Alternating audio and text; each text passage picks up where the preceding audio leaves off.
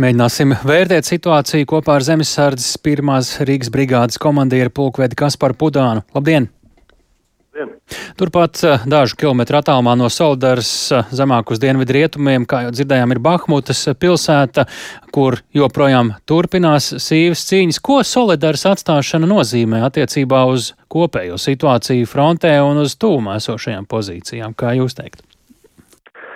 Nu, ja mēs skatāmies uz tūmā, sākot no tūmā esošajām pozīcijām, protams, pagaidām es neredzu uzreiz, ka tas ietekmētu un ļautu Krievijas pusē tā brīvi ieņemt un pārņemt Bahmutu, jo neliecina tie līdzinājie manevri un pārējā informācija, kas turpinājusies, ka viņi tiešām ir spējīgi turpināt un turpināt tālāku izrāvienu un pārņemt, ieņemt pilsētu.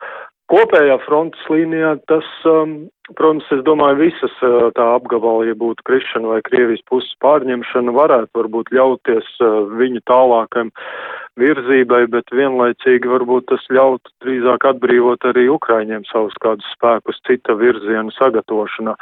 Bet pagaidām gan es domāju, ka Ukrainas pusē ir plāns šo rajonu cik ilgi spējams noturēt, jo tas mērķis, lai arī varbūt viņai nav taktiska vai operacionāla nozīme, bet vienkārši ar spēku, Krievijas puses spēku piesaistīšanu tāda varētu būt tā, tā viņa taktika šajā risinājumā arī skatoties uz kopējo fronti plašāk. Bet nu jau kādu laiku nekas nav dzirdams par kādiem tādiem vērā ņemamiem Ukrainas armijas panākumiem un virzību uz priekšu pēc Harkivas apgabala Helsonas operācijām šķita, ka varbūt varam ik pa laikam gaidīt ko līdzīgu, bet šodien saņemam, piemēram, šādas ziņas par solidāru, kam šobrīd pieder iniciatīva karā.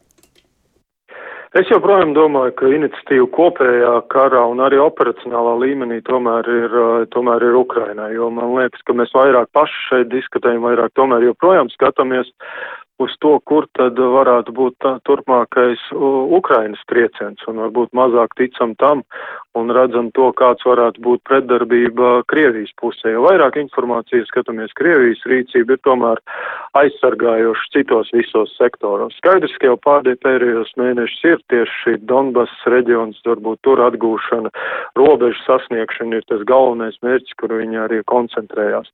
Šajā konkrētajā vietā varbūt viņi spējuši pārņemt kādu taktisko, taktisko iniciatīvu ar šīs vienas vietas pārņemšanu, bet kopumā es apgalvot, ka joprojām noteicēja tas, kāda varētu būt tālākā kara gaita attīstība tomēr pagaidām ir Ukrainas pusē.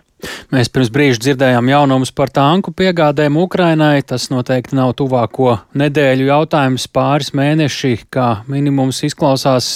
Kad mēs šo ziņu īstenošanās darbībā varētu redzēt izmaiņās kaujas laukā, kā jūs to redzētu?